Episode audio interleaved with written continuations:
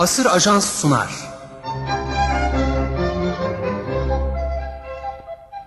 Altın Bülbül. Türk Masalları Serisi 1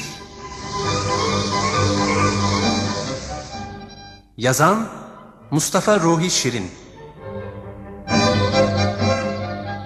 Yöneten Hacı Ahmet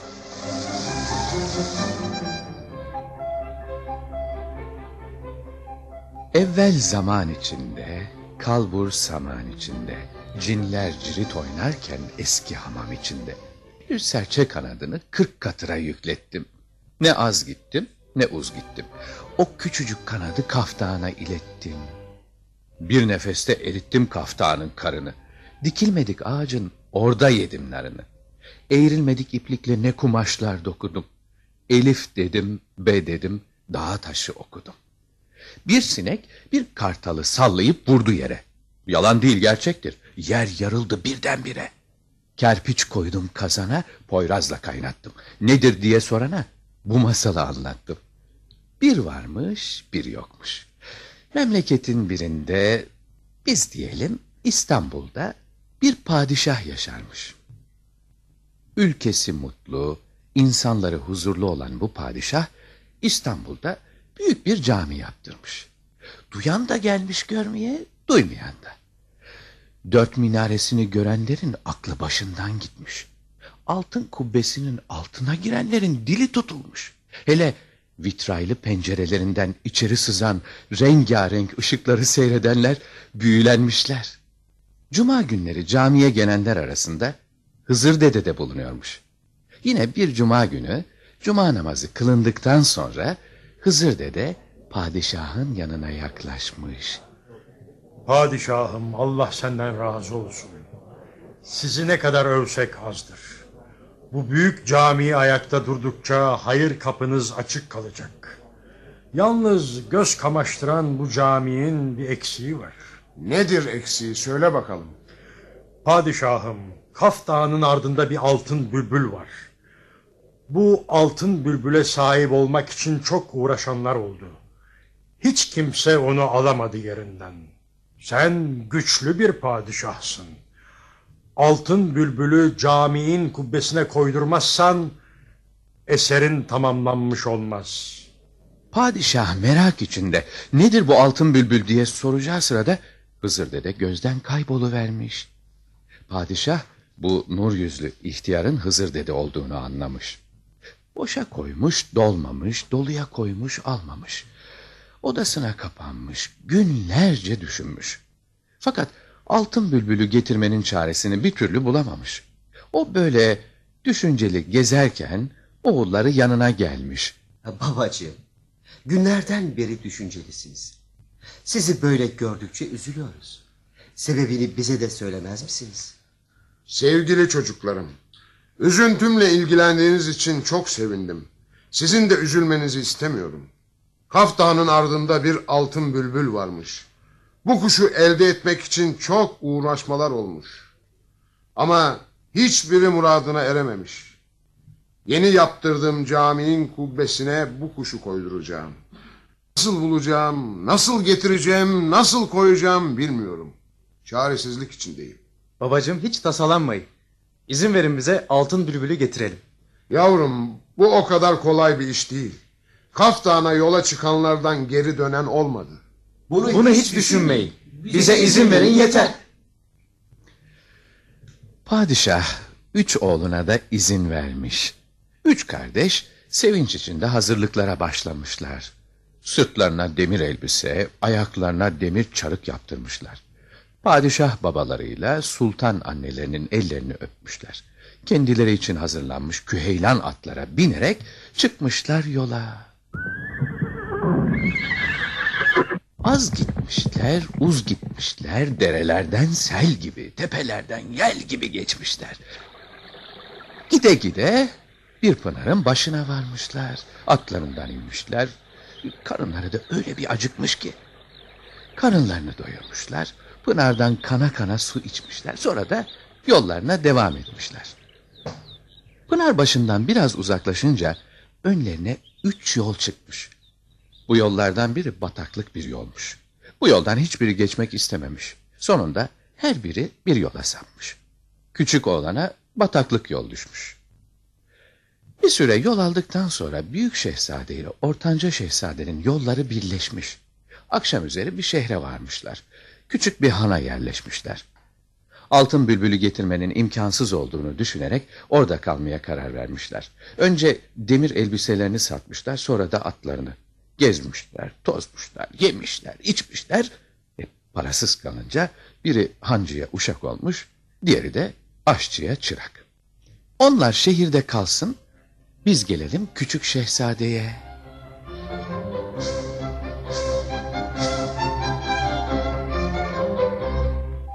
Küçük şehzade gece gündüz yoluna devam etmiş. Atının üstünde yol alırken kuşlar da onu yalnız bırakmamış. Bir pınarın başında ak sakallı, nur yüzlü bir ihtiyarla karşılaşmış. Bu ihtiyarın Hızır dede olduğunu anlamış hemen. Atından inmiş, elini öpmüş. Ak sakallı, nur yüzlü ihtiyar Söyle bakalım oğlum. Nereden gelip nereye gidiyorsun? İstanbul'dan geliyor, Kaftan'a gidiyorum. Kaf Dağı'na varmak kolay mı? Yol vermez dağlar tepeler.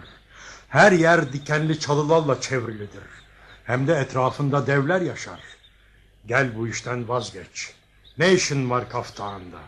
Padişah babam Kaftan'ın ardındaki altın bülbülü yeni yaptırdığı caminin kubbesine koymazsa üzüntüsünden ölür.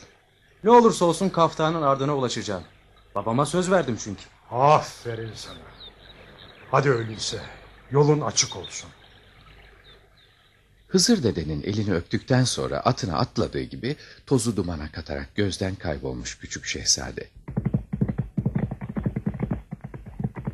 Az gitmiş, uz gitmiş, ardına bakmadan yoluna devam etmiş. Kayalık bir tepeyi aştığı sırada çatısı göğe değen bir saray görmüş. Atından inmiş, sarayın bahçesindeki çeşmeye doğru yürümüş. Kana kana su içmiş. Sonra sarayın kapısını aramaya başlamış. Ne kapısı varmış bu sarayın ne de penceresi. Bir taşın üzerine oturmuş, başlamış kendi kendine konuşmaya. Burası neresi acaba? Neredeyse açlıktan öleceğim. Burada insan yok mudur? Konuşması biter bitmez sarayın ortasından büyükçe bir delik açılmış. Güzel bir kız başını uzatarak şöyle seslenmiş. Hey insanoğlu. Buralara nasıl geldin? Yolunu şaşırmış olmalısın. Ben senin karnını doyururum ama burası dev sarayıdır. Dev neredeyse gelir. Hem seni de yer. Zararı de. yok. Sen benim karnımı doyur da dev beni yerse hiç olmazsa karnım tok yesin. Güzel kız pencereden uzaklaşmış. Çok geçmeden güzel bir sofrayla gelivermiş. Sofrayı bırakmış bahçeye, saraya dönmüş. Küçük şehzade yemeğini yemiş, atına binmek üzere hazırlanırken kulağına gök gürültüsüne benzer sesler gelmiş. Bu gelen dev olmalı demiş kendi kendine. Uzaklardan gelen devi görünce biraz korkmuş doğrusu. Masallarda anlatılan devlere çok benziyormuş bu dev. İlk defa dev gördüğü için ne yapacağını şaşırmış. Çünkü tozu dumana katarak gelen dev bir eliyle gökte uçan kuşları diğer eliyle de yerdeki yılanları topluyormuş. Gözleri de kırmızı bir ayna gibi parlıyormuş. Küçük şehzade hemen atına atlamış, kargısını eline almış, devin üzerine doğru sürmüş atını.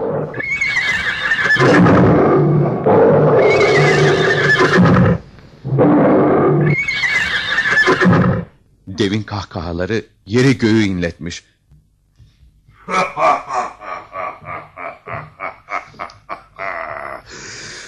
İnsanoğlunun buralarda işi ne?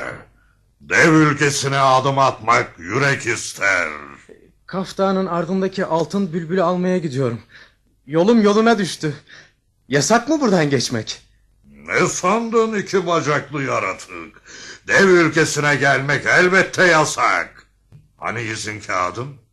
Nerede resimli pasaportun? Ee, Ayak bastı kağıdın nerede? Senin gibi şaşkınlar toprağımıza ayak basarsa bir lokmada yutarım. Hadi öyleyse. Yut bakalım.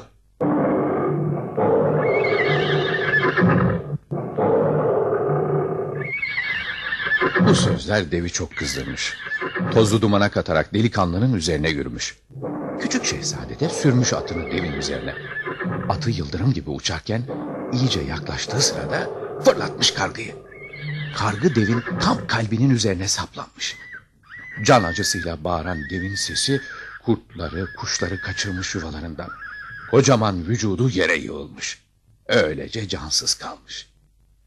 Küçük şehzade atından inerek devin sağ kulağını kesmiş, heybesine koymuş. Saraya doğru gelirken bahçede kendisine yemek getiren kızı görmüş. Kız küçük şehzadeyi sarayın bahçesine çağırmış. Bulundukları yerde aniden bir kapı açılmış. İçeri girmişler. En güzel odaya yerleşmiş küçük şehzade. Sarayın en güzel yemeklerini ikram etmiş ona kız. Nereden geldiğini, nereye gideceğini sormuş.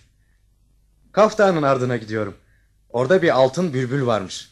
Bülbülü babamın yeni yaptırdığı caminin kubbesine koyacağım. Ah gidip de gelinmeyen yoldur kaftanın yolu. Hem gitmek zordur hem de dönmek. Sekiz canlı, dokuz canlı devler bu yolu bekler. Dev dediğin ne bir tane ne de bir. Dev dediğin işte şu dışarıda ölü olarak yatan gibi değil mi? İnsanoğlu aklı sayesinde yedi başlı devleri bile yener. Yılmam böyle şeylerden. Onlar benden korksunlar. Güzel kız bu cesarete akıl erdirememiş. Dinlenmesi için bu yiğide bir yatak göstermiş. Allah rahatlık versin demiş. Odalarına çekilmişler. O gece altın bülbülü görmüş rüyasında küçük şehzade. Durmadan ötüyormuş. Rengi de altın sarısıymış. Binlerce insan onu görmek için yola çıkmış Kaf. Önce ben varmalıyım oraya diye seslenmiş rüyasında küçük şehzade seslenir seslenmez de uyanıvermiş. Güneş karşı tepenin üzerinden görünmek üzereymiş. Sarayın kızı kahvaltısını getirmiş. Küçük şehzade karnını iyice doyurmuş. Bu iyiliğini hiç unutmayacağım. Bundan böyle sen büyük abimin nişanlısı benim de yengemsin. Burada beni bekle. Dönüşte götüreceğim seni. Hadi hoşça kal.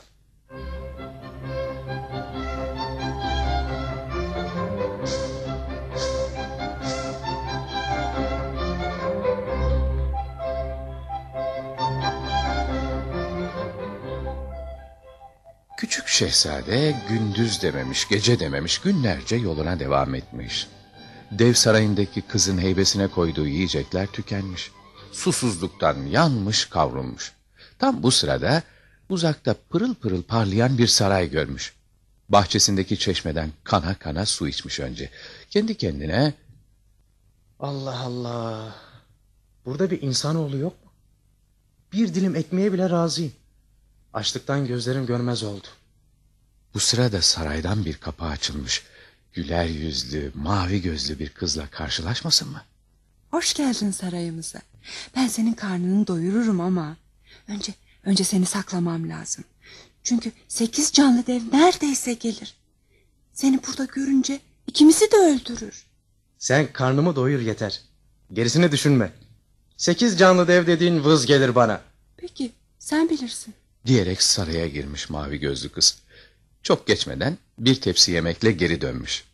Küçük şehzade tepsideki yemeklerin hepsini bitirdikten sonra ayağa kalkmış. Etrafı gözetlerken bakmış ki uzaklardan tozu dumana katan bir dev geliyor. Mavi gözlü kız Eyvah dev geliyor. diyerek yemek tepsisini kaptığı gibi saraya girmiş. Kapamış kapıyı. Delikanlı ok gibi atın üzerine fırlamış. Kargısını eline alarak deve doğru sürmüş atını. Dev gök gürültüsü gibi homurtular çıkararak saraya doğru hızla yaklaşırken atı atın üzerindeki insanı fark etmiş. Yerinde sıçrayarak, hoplayarak, kollarını açarak, kahkahalar atarak yürüyormuş. Padişahın küçük oğlu atını kamçılamış. Yelesi tutuşan at uçuyormuş neredeyse. Kargısını öyle bir savurmuş, öyle bir savurmuş ki kargı devin kafasının tam orta yerine saplanmış. Oluk gibi kan fışkırmış.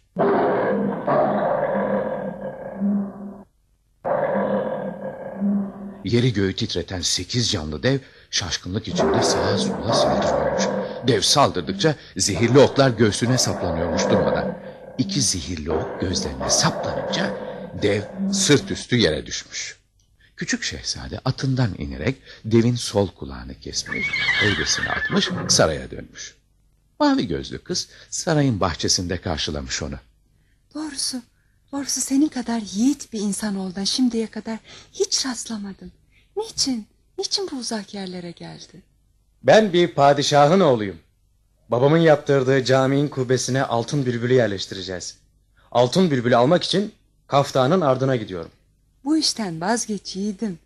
Bu yollara gidilip de gelinmeyen yol derler. Dünya kuruldu kurulalı beri kimse bu yolculuktan geri dönmemiş. Kaftanın yolunu devler bekliyor. İleride, ileride dokuz canlı bir dev anası var. Okların, kargıların işlemez ona. Yedi oğlu var. Yedi oğlunun yedi kazanı kaynar.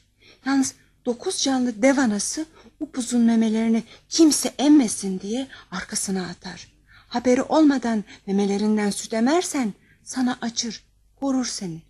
Bu işi başaramazsan kendini yok bil. Küçük şehzade çok memnun olmuş. Bana bunları söylediğin için sana çok teşekkür ederim. Bundan böyle küçük abimin nişanlısı benim de yengemsin. Buradan ayrılma. Beni bekle.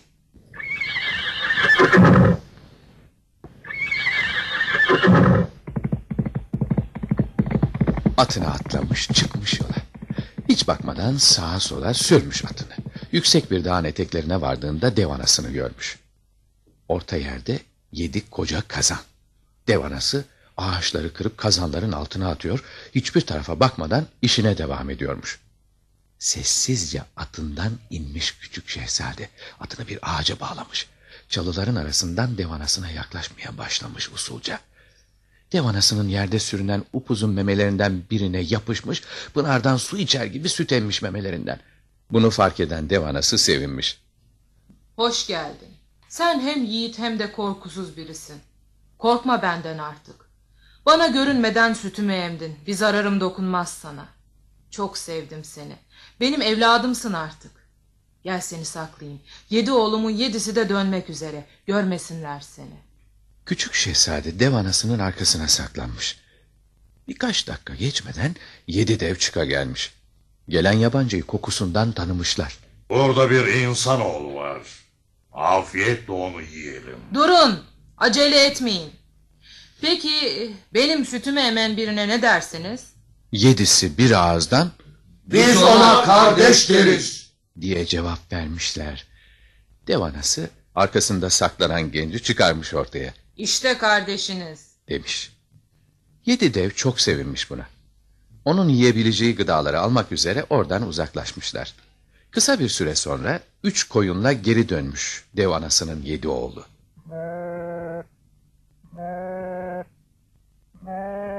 Küçük şehzade koyunlardan birini kesmiş, güzelce pişirmiş. Dev anası ve oğullarına da ikram etmiş pişirdiği etlerden. Kendisi de karnını doyurmuş. Gün uzamış, akşam olmuş. Dev anasının gösterdiği yatağa uzanmış. Sabaha kadar güzel bir uyku uyumuş. Güneşin ilk ışıkları ortalığı aydınlatırken yedi dev kardeş avlanmaya çıkmış. Dev anasının yanına yaklaşmasıyla uyanmış bizim korkusuz yiğit. Nereden geldin nereye gidiyorsun? Kimsin anlat bakalım. Bir padişahın en küçük oğluyum. İstanbul'dan geliyorum. Kaftanın ardındaki altın bülbülü almak için yola çıktım. Çıldırdın mı sen? Dünya kuruldu kurulalı kim varmış kaftağına? Ne kadar yol yürürsen o kadar uzaklaşır senden kaftağa. Hiçbir yolun sonu yoktur kaftağının yollarında. Yine de şansımı denemek istiyorum. Babama verdiğim sözü unutmuş değilim. Babana verdiğin sözden dolayı bu kadar uzun bir yolculuğa katlanmandan dolayı kutlarım seni. Şimdi söyleyeceklerimi iyi dinle. Sakın unutma anlatacaklarımı. Siz insanlar çok unutkan varlıklarsınız. Başınıza gelen felaketlerden ders çıkarmasını pek bilmezsiniz. Az ileride karşına bir deniz çıkacak. Kıyısında büyük bir çınar ağacı göreceksin. Yanında mermer taş vardır. Taşın altında bir gem bulacaksın. Gemi alır, denize üç defa vurursun. Bir deniz atı çıkacak denizden. Gemi deniz atının ağzına takar, atlarsın üstüne. Deniz atı farkına bile varmadan karşı kıyıya çıkarır seni. Kıyıya çıktığın yerde bir mermer taş bulacaksın. Gemi altına saklarsın. Yoluna devam edersin. Bir beyaz, bir de kırmızı ağaç çıkacak karşına. Beyaz ve kırmızı ağaçtan birer dal keser yürürsün. Karşına çıkan beyaz kapıya beyaz dalı, kırmızı kapıya kırmızı dalı vurursun. Açılan kapılardan içeriye girer başlarsın koşmaya. Yol dikenli çalılarla kaplıdır. Elbisen yırtılsa da sakın yolunu değiştirme. Dikenli çalılardan ne güzel çalılar, yaprakları ne güzel diyerek birer yaprak kopar, heybene koy. Çalılıktan kurtulunca suyu bulanık bir ırmakla karşılaşacaksın. Bulanık olmasına aldırmadan ne temiz su, ne berrak, ne tatlı su diyerek iç bu sudan. Yoluna devam edersin durmadan. Derken zincire vurulmuş bir arslanla bir koyun çıkacak karşına. Bu defa korkmadan yanlarına yaklaşırsın. Koyunun önündeki eti arslanın önüne, arslanın önündeki otu da koyunun önüne koyarsın. Hemen orada pembe bir saray göreceksin. Bu peri padişahının sarayıdır. Peri padişahının kızı tek başına burada yaşar. Onu uykuda bulacaksın. Odasının dört köşesinde dört büyük mum yanar. Altın bülbül inciden bir kafes içinde başucundadır. Mumların yerini değiştirir, altın bülbülü alır geri dönersin. Korku yüreğinden uzak, güneş lamban, ay fenerin olsun.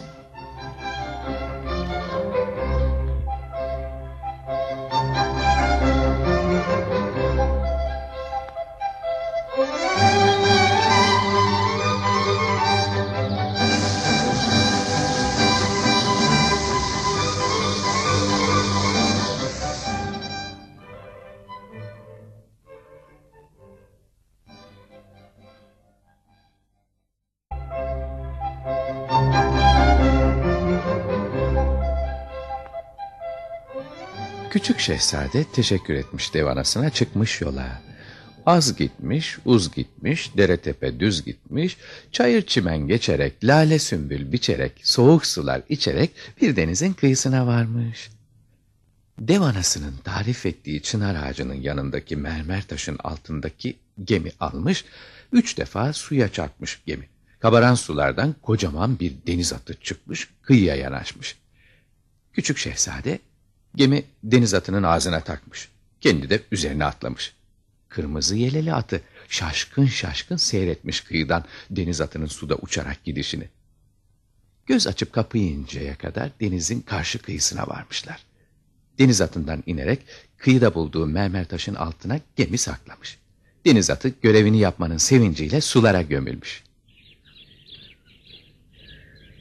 Uzayıp giden vadi boyunca yürümeye başlamış. Kuşlara el sallayarak, çiçeklere türküler söyleyerek yürümüş, yürümüş. Beyaz ağaçla kırmızı ağacı görünce sevinmiş. Birer küçük dal almış bu ağaçlardan. Böylesi güzel ağaçların gölgesi de güzel olmalı diyerek biraz dinlenmek için sırt üstü yatmış, yere uzanmış. Masal ağacı işte demiş kendi kendine. Birinin yaprakları yıldız yıldız, diğerininki hilal. Güzel ağaçların serin gölgesinde biraz daha beklerse uyuyabileceğini düşünmüş ve doğrulmuş. Beyaz ve kırmızı ağaç dallarını heybesine atmış çıkmış yola. Az gitmiş, uz gitmemiş. Biri beyaz, biri kırmızı. iki kapı çıkmış karşısına. Beyaz dalla beyaz kapıya, kırmızı dalla kırmızı kapıya vurmuş. Sessizce açılmış iki büyük kapı. Çalılık bir ormana açılan kapılardan içeri girmiş. Dikenli çalılarla örtülü bu yolda yürüdükçe elbisesi yırtılıyor, eli yüzü kanıyor ama hiç şikayet etmiyormuş. Hem de Ne güzel çalılık. Ne güzel çalı yaprakları. diyerek çalılardan birer yaprak koparıyor, heybesine atıyormuş. Çok geçmeden yürüyecek gücü kalmamış. Hem de susuzluktan neredeyse ölecekmiş. Tam o sırada bulanık ırmakla karşılaşmasın mı? Çömelmiş, Ne güzel. Ne berrak. Ne tatlı su. demiş, içmiş ırmaktan. İnsan ayağı değmemiş ormanlardan geçerken zincire vurulmuş arslanla koyunu görmüş. Hiç korkmadan yanlarına yaklaşmış.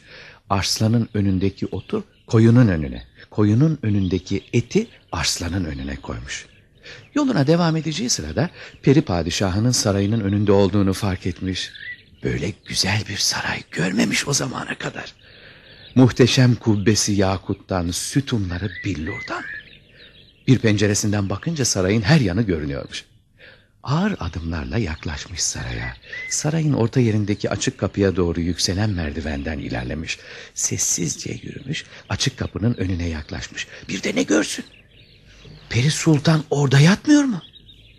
Biraz heyecanlanmış doğrusu. Dev anasının dediği gibi dört tarafından dört mum yanıyor. İnci kafesin içinde altın bülbül bitmeyen içli namelerini mırıldanıyormuş sultana. Önce mumların yerlerini değiştirmiş. Peri Sultan'ın başucunda duran altın bülbülü almış, ayaklarının ucuna basa basa ilerleyerek dışarı çıkmış. Sarayın dışına ayak bastığı anda altın bülbül acı acı ötmeye başlamaz mı?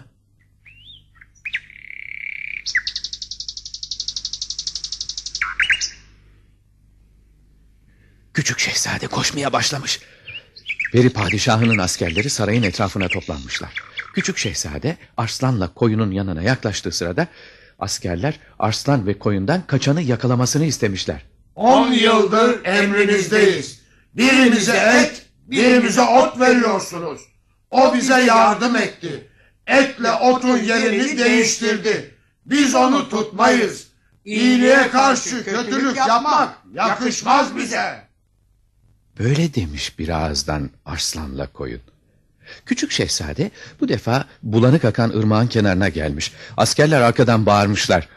Bulanık ırmak, sularını bırak. Şu adam sularına karışsın. Bulanık ırmakta dile gelmiş. Sularımı bırakmam. Siz benim suyumu pis diye içmediniz. Pis ırmak değilim, bulanık ırmağım ben.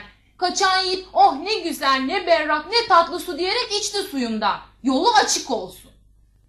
Küçük şehzade ırmaktan korkusuzca geçmiş, dikenli çalıların sınırına yaklaşmış. Yine askerler bağırmış uzaktan. Dikenli çalılar, bırakmayın şu oğlanı. Huysuzluğunuz işe yarasın. Dolanın ayaklarına şu kaçağın.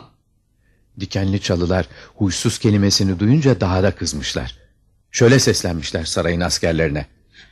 Zararımız olmaz bu gence. Ne güzel çalılık, ne güzel çalı yaprakları diyerek her birimizden birer yaprak alarak heybesine koydu.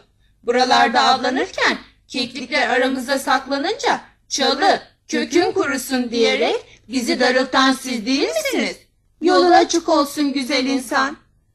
Çalılar yere yatarak küçük şehzadenin kolayca koşmasını sağlamışlar. Sıra askerlerin geçmesine gelince dimdik doğrulmuşlar, dikenlerini kabartmışlar. Küçük şehzade bu arada epeyce zaman kazanmış.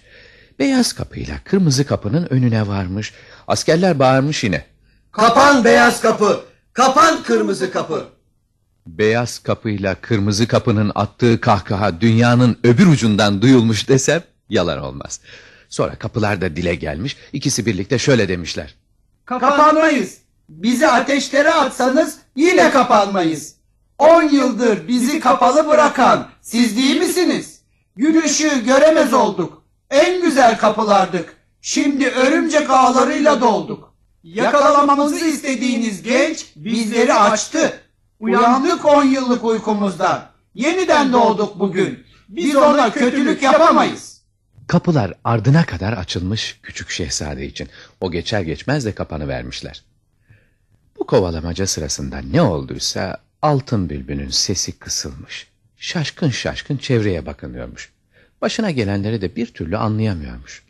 Deniz kenarına vardıklarında küçük şehzade mermer taşı kaldırmış, altından gemi almış. Yine üç kere vurmuş denize. Kabaran suların içinden deniz atı görünmüş. Gemi deniz atının ağzına takarak üstüne binmiş. Deniz atı kocaman kanatlı bir kuş gibi süzülmüş. Bir anda karşı kıyıya varmış.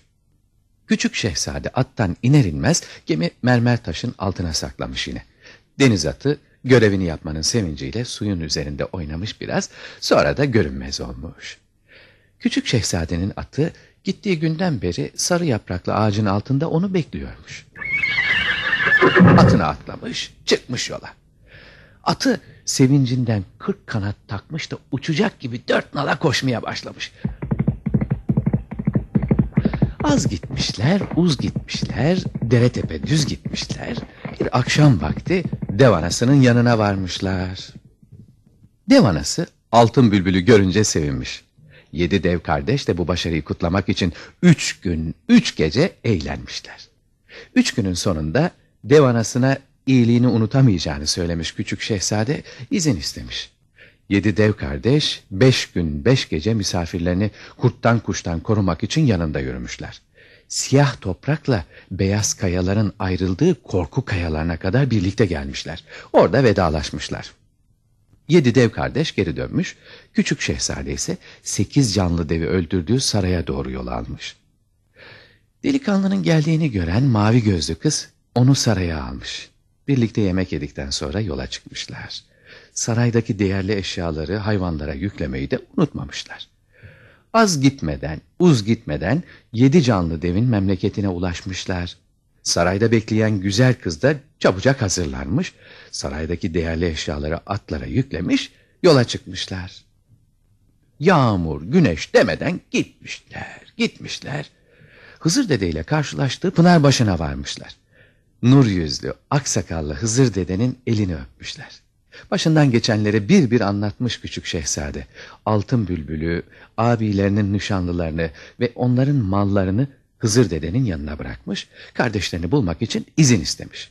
Sırtını üç kere sıvazlamış Hızır dede, onu uğurlamışlar. Atını süre süre abileriyle en son ayrıldıkları üç yol ağzına varmış. Dört nalla sürmüş atını işlek yollardan birine. Az ileride gittiği yol diğer yolla birleşmiş.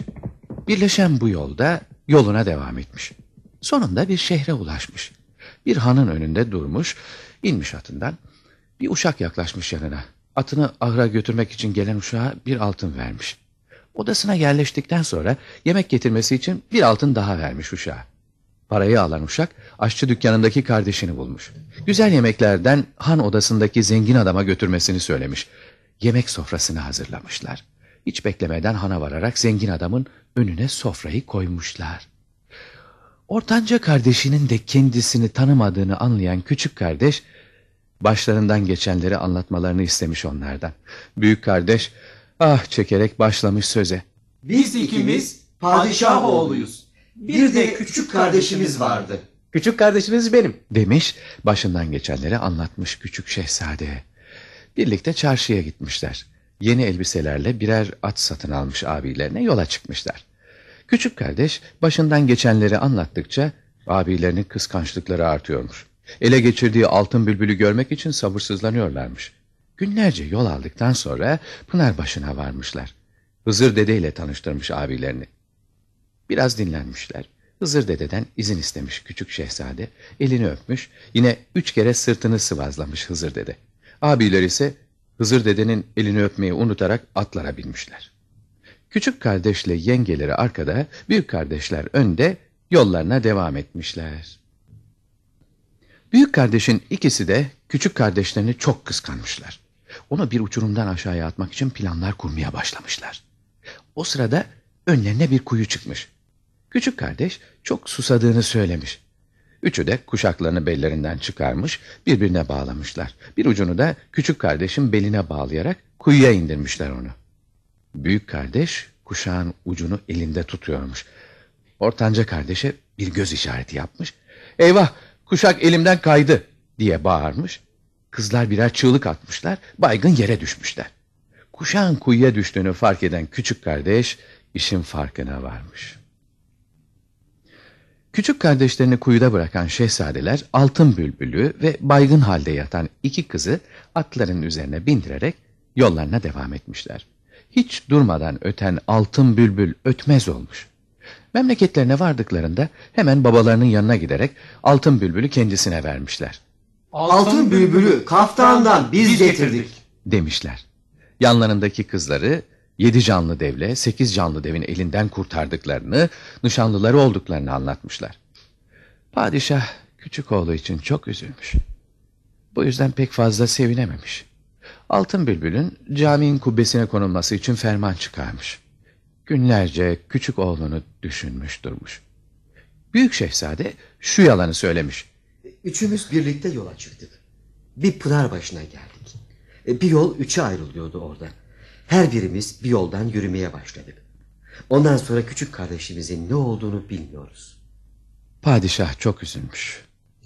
Sık sık camiye gidiyor, altın bülbülün öteceği saati bekliyormuş. 24 saat bülbülü bekledikleri halde bir türlü ötmezmiş. Buna bir anlam veremiyormuş padişah. Biz gelelim küçük şehzadeye. Günlerce kuyuda kalmış, su içerek yaşamış. Güneşin tepeye yükseldiği, kuyunun içini aydınlattığı bir gün kuyu başında bir ses işitmiş. Başını yukarıya kaldırdığı zaman bir adamın aşağıya bakraç sallandırdığını görmüş. Bakraca tutunmuş, yavaş yavaş yukarıya çıkmış. Bakracın sahibi şaşırmış bu işe. Pazar yerinden köyüne dönen köylü, heybesindeki yiyeceklerden ikram etmiş küçük şehzadeye. Başından geçenleri köylüye anlatmış, atını satın almış, ona teşekkür etmiş, sürmüş atını memleketine doğru. Varacağı şehre yaklaştığı sırada bir çobana rastlamış. Bir altın vererek bir koyun satın almış. Etini ve derisini çobana bırakmış, işkembesini iyice temizlemiş, tanınmamak için başına geçirmiş. Küçük şehzade olmuş bir Keloğlan. İstanbul'a varınca atını bir hanın önüne bağlamış, hancının yanına uşak olarak çalışmaya başlamış. Günlerden bir gün hancı hastalanmış, yataklara düşmüş. Hekime danışmışlar, bin bir türlü çareler araştırmışlar. Padişahın yeni yaptırdığı caminin şadırvanından üç bardak su içmesini söylemiş hekimler. Küçük şehzade şadırvandan bakraca su doldururken kubbedeki altın bülbül ötmeye başlamaz mı? Öyle güzel ötmüş, öyle içili ötmüş ki bütün İstanbul halkı caminin önüne toplanmış. Padişahın adamları altın bülbülün öttüğünü haber vermişler. Sevinen padişah bunda bir iş var diye düşünmüş sonunda. Cuma günü şehirdeki bütün insanları caminin avlusundan birer birer geçirmeye karar vermiş. Davullar dövülmüş, tellallar çıkmış ortaya. Bir cuma günü sabah namazını camide kılan padişah avluda beklemeye başlamış. Bir kulağı da bülbüldeymiş.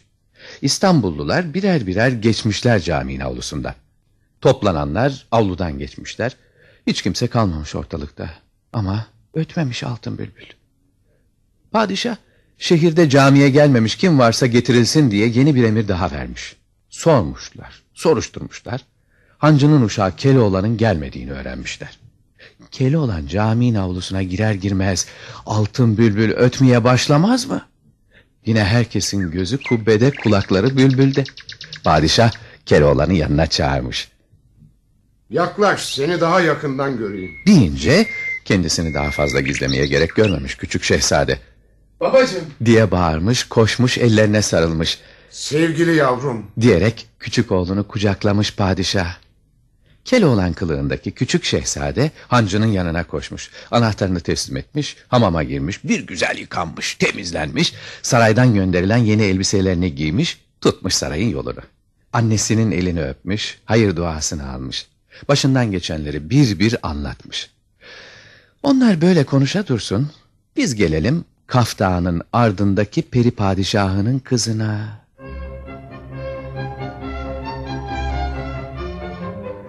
Peri padişahının kızı uykusundan uyanınca bir de ne görsün?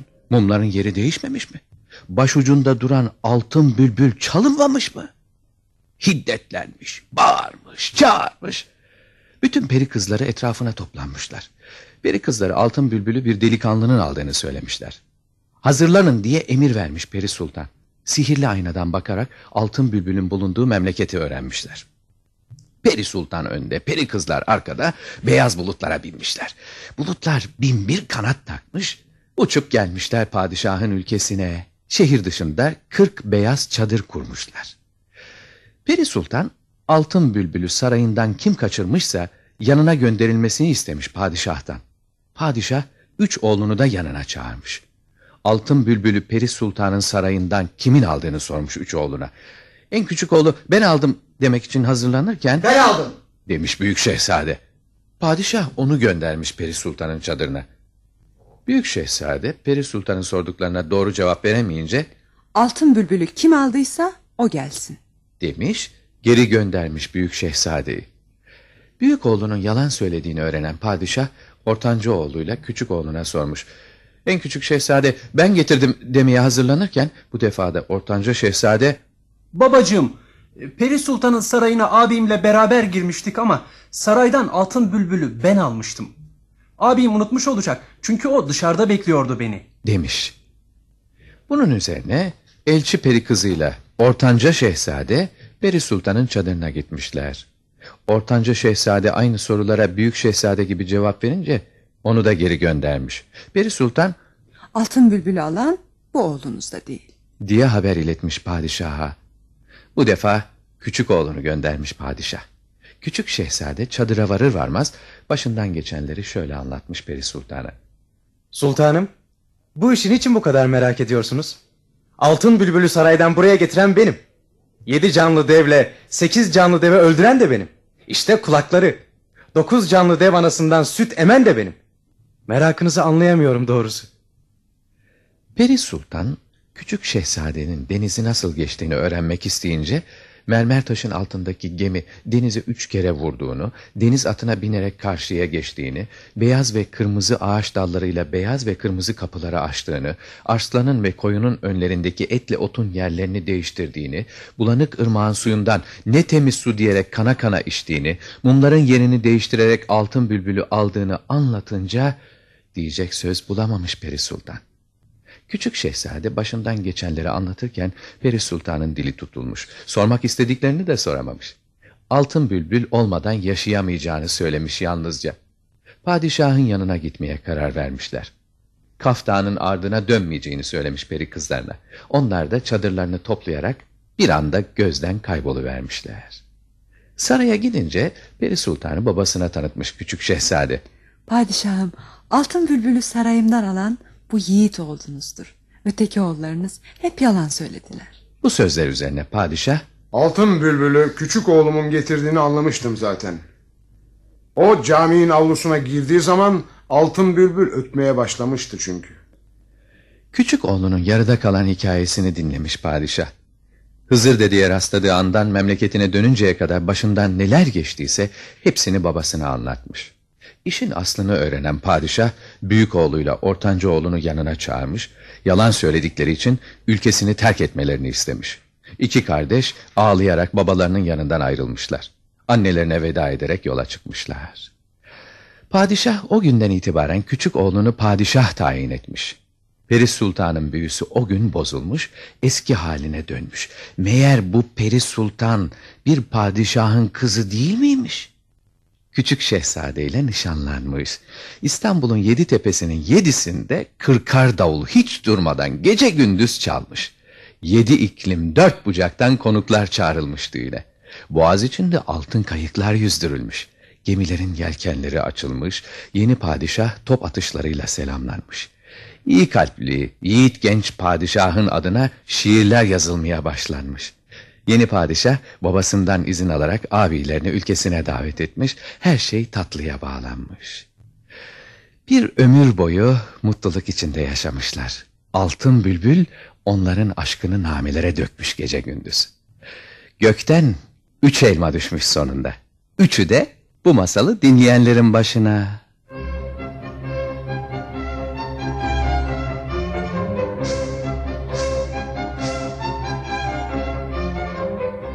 Bu kaset bir asır ajans yapımıdır.